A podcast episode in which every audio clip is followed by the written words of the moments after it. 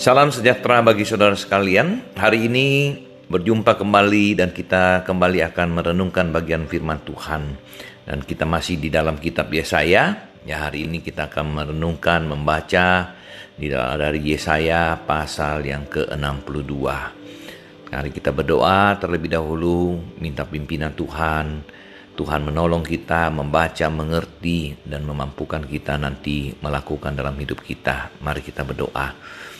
Tuhan kami akan baca akan kebenaran firman Tuhan. Kami percaya dan menerima firman Alkitab ini adalah firman yang berotoritas yang daripada Tuhan sendiri. Ajar kami untuk menghormati, ajar kami untuk mencintainya ya Tuhan. Dan ajar kami untuk sungguh-sungguh dapat melakukan dalam hidup kami. Tolong hambamu ya Tuhan dalam menyampaikan membagikan akan berkat Tuhan melalui firman Tuhan ini agar kami semua yang membaca, mendengar, kami diberkati. Kami bertumbuh melalui firman-Mu. Dalam nama Tuhan Yesus Kristus kami berdoa. Amin. Saudara sekalian, saya percaya setiap kita manusia kita punya pengharapan. Ya, banyak hal yang kita harapkan di dalam hidup ini, apalagi saja kecil. Ya, kita pengharapan itu berbeda pengharapan anak kecil, mereka mungkin dibelikan boneka ya oleh orang tua. Mereka harap orang tua eh, bisa memperhatikan, merawat mereka juga dengan baik. Anak-anak bertumbuh dewasa, mereka punya harapan-harapan yang berbeda. Ada yang ingin masuk sekolah, kuliah di sekolah-sekolah atau university yang baik. Ya setelah dewasa punya pengharapan lagi yang lain. Hendak membina membangun satu rumah tangga. Demikian terus saudara ya di dalam hidup kita kita punya harapan-harapan. Namun saudara apakah kita ada memikirkan harapan itu dan merencanakan untuk bagaimana kita mendapatkan atau mencapai harapan itu? Ya jangan hanya berupa harapan tapi tidak ada gairah untuk mewujudkan harapan itu dalam kehidupan kita Nah, saudara hari ini kita akan lihat dari kitab Yesaya pasal yang ke-62. Ini adalah nubuatan tentang pemulihan daripada Yerusalem. Ya, saya akan bacakan Yesaya 62. Oleh karena Sion, aku tidak dapat berdiam diri. Dan oleh karena Yerusalem, aku tidak akan tinggal tenang. Sampai kebenarannya bersinar seperti cahaya dan keselamatan menyala seperti sulu. Maka bangsa-bangsa akan melihat kebenaranmu dan semua raja akan melihat kemuliaanmu dan orang akan menyebut engkau dengan nama baru yang akan ditentukan oleh Tuhan sendiri. Engkau akan menjadi mahkota keagungan di tangan Tuhan dan serban kerajaan di tangan Allahmu. Engkau tidak akan disebut lagi yang ditinggalkan suami dan negerimu tidak akan disebut lagi yang sunyi, tetapi engkau akan dinamai yang berkenan kepadaku dan negerimu yang bersuami sebab Tuhan telah berkenan kepadamu dan negerimu akan bersuami.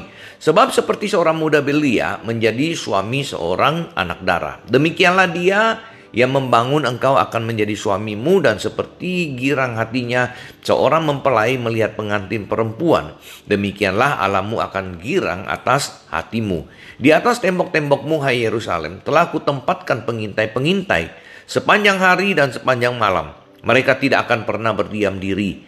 Hai kamu yang harus mengingatkan Tuhan kepada Zion, janganlah kamu tinggal tenang. Dan dalam ayat yang ketujuh, saudara, dan janganlah biarkan dia, Tuhan, tinggal tenang. Sebab dia menegakkan Yerusalem dan sampai ia membuatnya menjadi kemasyuran di bumi. Tuhan telah bersumpah demi tangan kanannya, demi tangan kekuatannya. Sesungguhnya Aku tidak akan memberi gandummu lagi sebagai makanan kepada musuhmu. Dan sesungguhnya orang-orang asing tidak akan meminum anggur anggurmu yang telah kau hasilkan dengan bersusah-susah.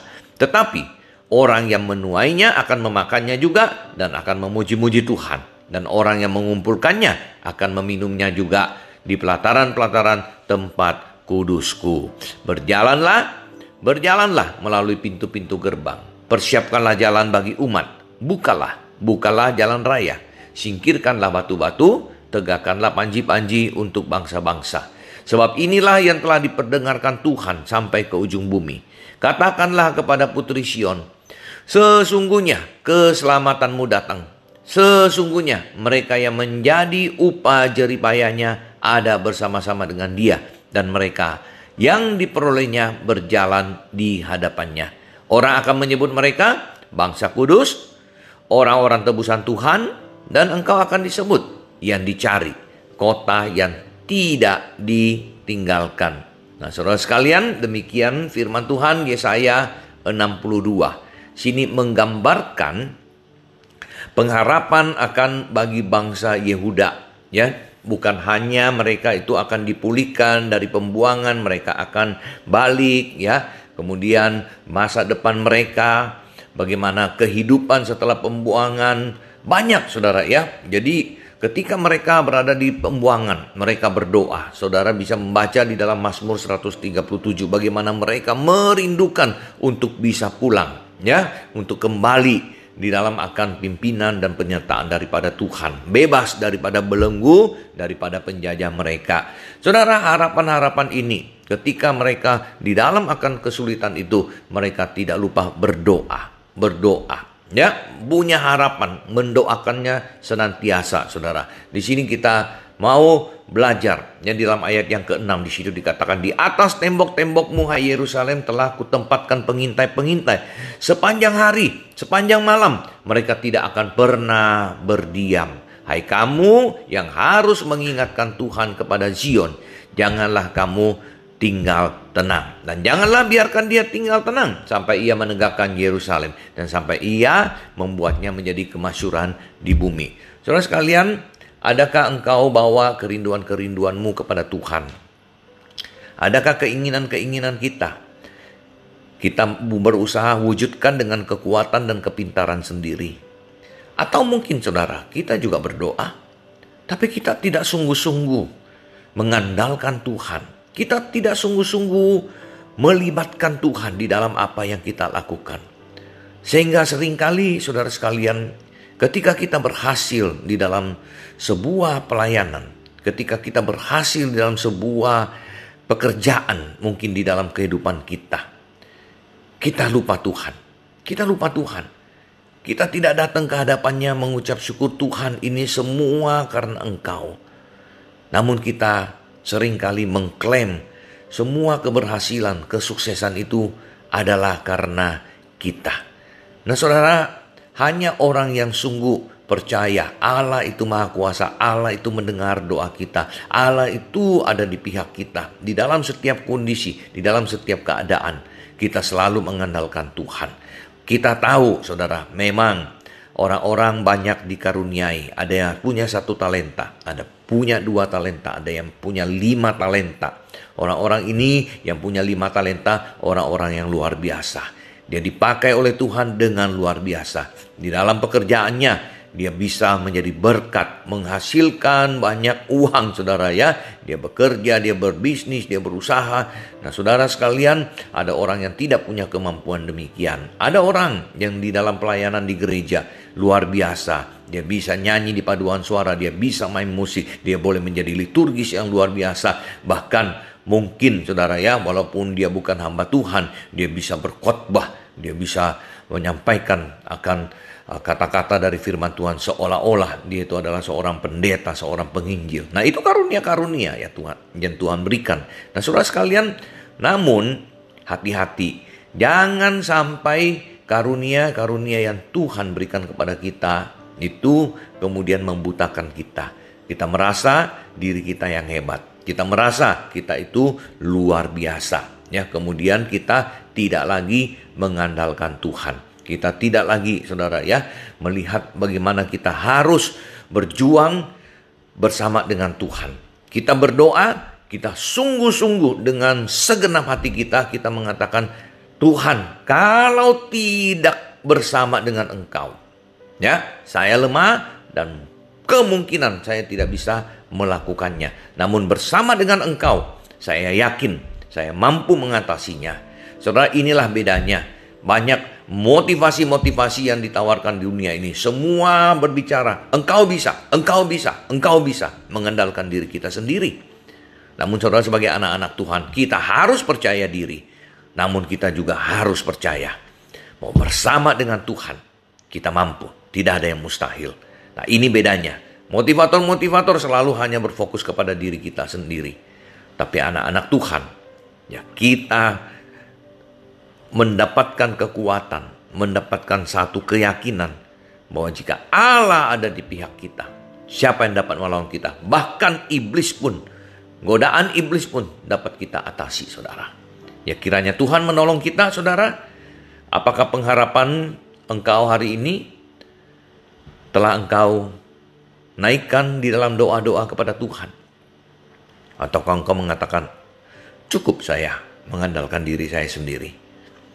Apakah engkau mendoakannya dengan serius, menaikkannya sebagai doa syafaat, atau bahkan dengan berpuasa?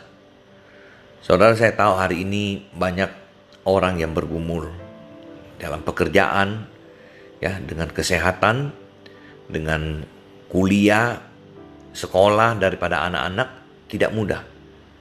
Ya, kita punya harapan pandemi bisa segera berlalu. Kita punya harapan keadaan bisa lebih baik lagi. Mari kita sama-sama datang kepada Tuhan.